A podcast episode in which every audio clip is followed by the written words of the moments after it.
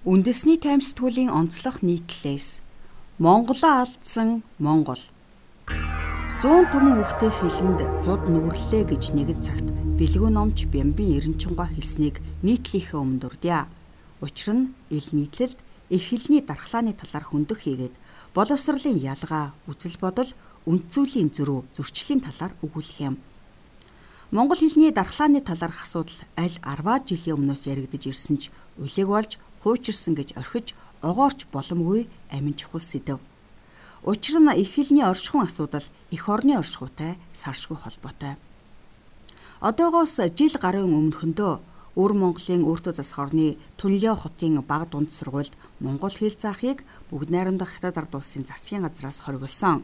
Өвөр монголчууд өв соёлоо гих аюулт хүрлээ хэмээн энэ шийдвэрийг эсэргүүцэж байлаа мөн цус нэгтээ монголчуудын үндэсний хэлийг үгүйсгэж хятад хэлээр боловсрал эзэмшүүлэх нь учир дутагдaltaй гэж бид ч хэрэндээ буруутгаж захин орчинд хэсэг шууглаа. Ийхүү том гүрний ашиг сонирхлын улмаас туурга тусгаар болсон ард түмэн үндэсний хэл бичиг өв соёлоо авч үлдэхийн тулд тэнгэр тэртэл эсэргүүцэж дэлхийн чихэнд хүртэл тэмцэж чадсан бахархмаар. Гэтэл тусгаар тогтнол эх орон их хилээ сахин хамгаалах чанд үүрэгтэй бид өв соёлоо өөрсдийн гараар өгөх хийсээр л байна. Товчхондоо үндэсний ялгамж үнд зүйлээ өдөр өдрөөр гээж монгол хүн монголоос сөөм сөмөр асрах боллоо. Халагламар зүйл. Монгол хүүхэд англиар хэлд орж монгол багчууд гадаад хэлний сургалтад сургууль цэцэрлэгт хүмүүжиж монгол залуус харь хэлээр үзэл бодлон солилцох болжээ. Ийхүү төрлөх хэлээрээ сэтгэж харилцаж чаддаггүй мянга мянган монгол иргэн өсөн торнож их хэлний хичээлийг ёс төдий заадаг хэдэн арван сургууль цэцэрлэг хичээллэж байна. Монгол улс дэлхийн нэг эд эсийн хувьд өөр бусад улс оронтой харилцаж иргэд гадаад хэлийг судлаж суралцах нь зүүн хэрэгч цөөн хүн амтай улсад үндэсний ялгамжийг хадгалж үлдэх нь түүнээс дутхааргүй ач холбогдолтой. Тэр дундаа хэл бол үндэсний дархлаа хийгээд хэлний дархлааг бэхжүүлэгч хүч нь тухайн хэлээр харилцаж, ярилцаж, ойлголцож байгаа хүмүүс юм. Саармаг монгол хүн Олон улсын сургалттай Кембрижийн хөтөлбөртэй зэрэг чамин тодтголтой чамгүй төлбөртэй хувийн сургууль манай улсад чамлахааргүй олон бий. Сайн талаас нь харуул тэдгээр сургууль хүүхдүүдэд эх орондоо олон улсын хэмжээний боловсрал эзэмших боломж олгож байгаа юм. Харин саараар харвал харь хэл, харь сэтгэлтэй саармаг монгол хүнийг төлөвшүүлж байна. Монгол залуусын сэтгэлгээг саарамжуулж байна гэх нүсэр дүгнэлтийг төсөр байдлаар гаргаагүй болохыг тодтогё. Улсын сургуулийн сурагчид 5 дугаар ангиасаа гадаад хэлний хичээл үздэг бол хувийн сургуулийн хүүхдүүд 1-ээс 3 дугаар ангидаа англи хэлний цагаан толгой нүдлэж эхэлдэг. Түүнчлэн гадаад багшаар хичээл заалгаж гадны сурагчидтай хамт суралцсан мөн монгол хэл уран зохиолоос бусад хичээлийг харь хэл дээр үздэг хийгээд монгол хэлний хичээл 7 хоногт 3-аас 4 цаг л ордог. Ийхүү шинжлэх ухааны бүх мэдлэгийг харь хэлнээс хүлээж авахар хүүхэд их хэлээрээ зөв логиктой ярьж бичиж чадахгүй төрнө. Монголоор ярихдаа англи үг хэрэглэх, хэлхийг хүссэн утга санаагаа монгол үгээр илэрхийлэх чадамжгүй болох өгүүлбэр зүүн бүтцийн алдаатай ярьж бичих зэрэг олон бэрхшээл тулгардаг. Түүнчлэн Хэл гэдэг зөвхөн харилцааны хэрэгсэл биш юм. Хэл хүний сэтгэлгээ, үзэл бодол, үнд зүйлийг чиглүүлж зангидж байдаг. Хүүхдийг 12 нас хүртэл нь төрлөх хэлээр нь ярьж бичүүлж сургасны дараа хоёр дахь хэл заах нь сэтгэлгээний дархлаанд халгүй. 12 нас гэдэг нь хүний амьдралын нэг үе. Түүнээс хойш хүүхэд гадаад хэл сурахад их хэлний сэтгэлгээний дархлаанд нь сөрөг нөлөө үзүүлдэг талаар хэл шинжиллийн эрдэмтэд хэлж байсан юм. Гадаад континент Монгол хүүхдүүдийг хүмүүжүүлж байна. Гадаад хэлийг амьдралын нэг үе өнгөрсний дараа буюу 12 нас хүрээд үзэх нь зүйтэй гэж хэл шинжиллийн эрдэмтэд хэлсэн. Гэтэл Монгол хүүхдүүд хэлд орохдоо л нөө, мама, дэди, вав зэрэг харь хэлээр өөрийгөө илэрхийлж байна. Түүнчлэн өнгө дүрсийгч англиар төвггүй хэлдэг хэрнээ монгол үг амнаас нь нэн ховор.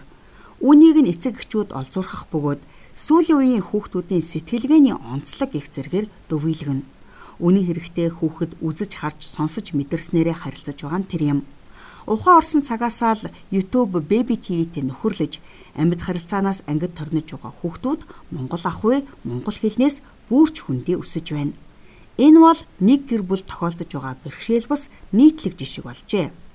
Энэ талаар хувийн мэдээлэл нууцлахыг хүссэн нэгэн цэцэрлэгийн багш мэдээлэл өгсөн юм. Тэрээр Хүүхдүүд монголоор биш англиар хэлэл ордог боллоо. Цэцэрлэгт анх хэлсэж байгаа хүүхдүүдийн дийлэнх нь үгүй гэхийг нөө, хүүхдүүдийг baby, аав ээжигээ mommy daddy гэх зэрэгээр дууддаг. Түүнчлэн сүүлийн үеийн багчууд хэлд их хожуу ордог болсон анзаарэгдсэн. Уг нь хүүхэд 2-оос 3 наснда өөрийгөө бүрэн илэрхийлж богино өгүүлбэрээр харилцах чадамжтай болох учиртай. Гэтэл 3-аас 4 нас хүрсэн хэрнээ ганц нэг үгээр л харилцдаг хүүхэд олон бий. Энэ бол эцэг эхийн хариуцлагатай шууд холбоотой. Хүүхдийн хувцсыг солих зураа хүртэл утас бариулчихдаг. Тэнд нь монгол хэл, монгол агуулгатай контент нин ховор гэсэн юм. Мэдээлэл технологийн нийгэм учир хүүхдийг утас зурагтаас хөндий өсгөхөд бэрх байж болох ч тодорхой хугацаанд тохиромжтой контент үзүүлэх нь чухал. Харамсалтай нь манай улсад хүүхдэд зориулсан монгол контент нүднийг юм. Харилцан холбооны зохицуулах газраас хийсэн судалгаагаар хүүхдэд зориулсан бүтээлийн 96% нь гадных байна. Өргөн нэвтрүүлгийн сувгаар гарч байгаа хүүхдийн нэвтрүүлгийн өрдөө 2-оос 4%ийг л Монгол бүтээл эзэлдэг гинэ. Ингэхдээ Монгол ах уй уламжлал бүхий агуулгатай контент 1-2-оос хэтэрдэггүй. Түүнчлэн Монгол бүтээлүүд шинчлэгддэг учраас хүүхэд амархан уйдаж салхдаг. Хүүхдийнхээ нүдийг боож, хүслийг хорж, энийг л заавал үзгэж шахаж шаардах боломжгүй учраас зүйл бүрийн өнгө дүрсээр тэдний сонирхлыг татаад байгаа гадаад контентийг үзүүлэхээс өөр аргагүй төрдөг эцгийг нэчгээд бий боловсролын ялгаа бурангуй Монгол руу дөтлөв. 2020-оос 2021 оны хичээлийн жилд улсын хэмжээнд ерөнхий боловсролын 839 сургууль сургалтын үйл ажиллагаа эрхэлж байна. Үүний 672 нь төрийн өмчих бол 167 нь хувийн хөвшлийн сургууль. Түүнчлэн 735 ердийн хөтөлбөрөөр хичээлдэг бөгөөд 15 нь мэрэгжлийн 72 нь гүнзгийрүүлсэн сургалттай. Харин тусгай хэрэгцээт хүүхдүүдэд зориулсан 6, олон улсын хөтөлбөрөөр сургалт явуулдаг 11 сургууль бий. Эдгээрийн хэд нь 1-ээс 3 дугаар ангиас нь гадаад хэлний хичээл заадаг талаар боловсрол шинж ухааны яамны Багдуунд боловсролын газрын дарга төмөр ичроос тодруулахад олон улсын хөтөлбөрөөр сургалт явуулдаг 11 сургууль бий.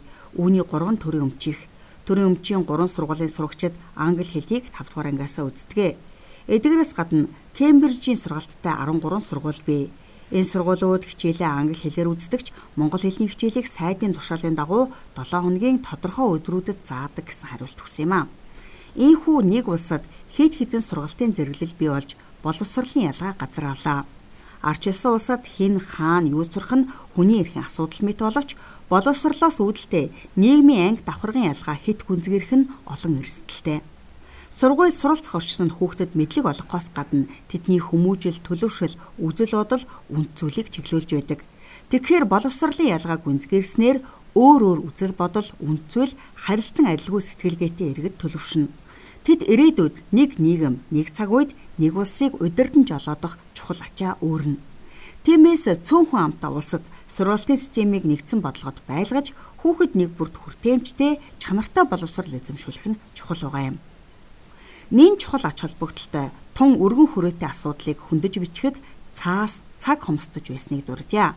Ютаач туурах тусгаар Монгол улсын ирээдүй болсон залуу үе их хэлээрийн зөв сэтгэж үнд зүйл өв соёлоосоо бүх алсраасай.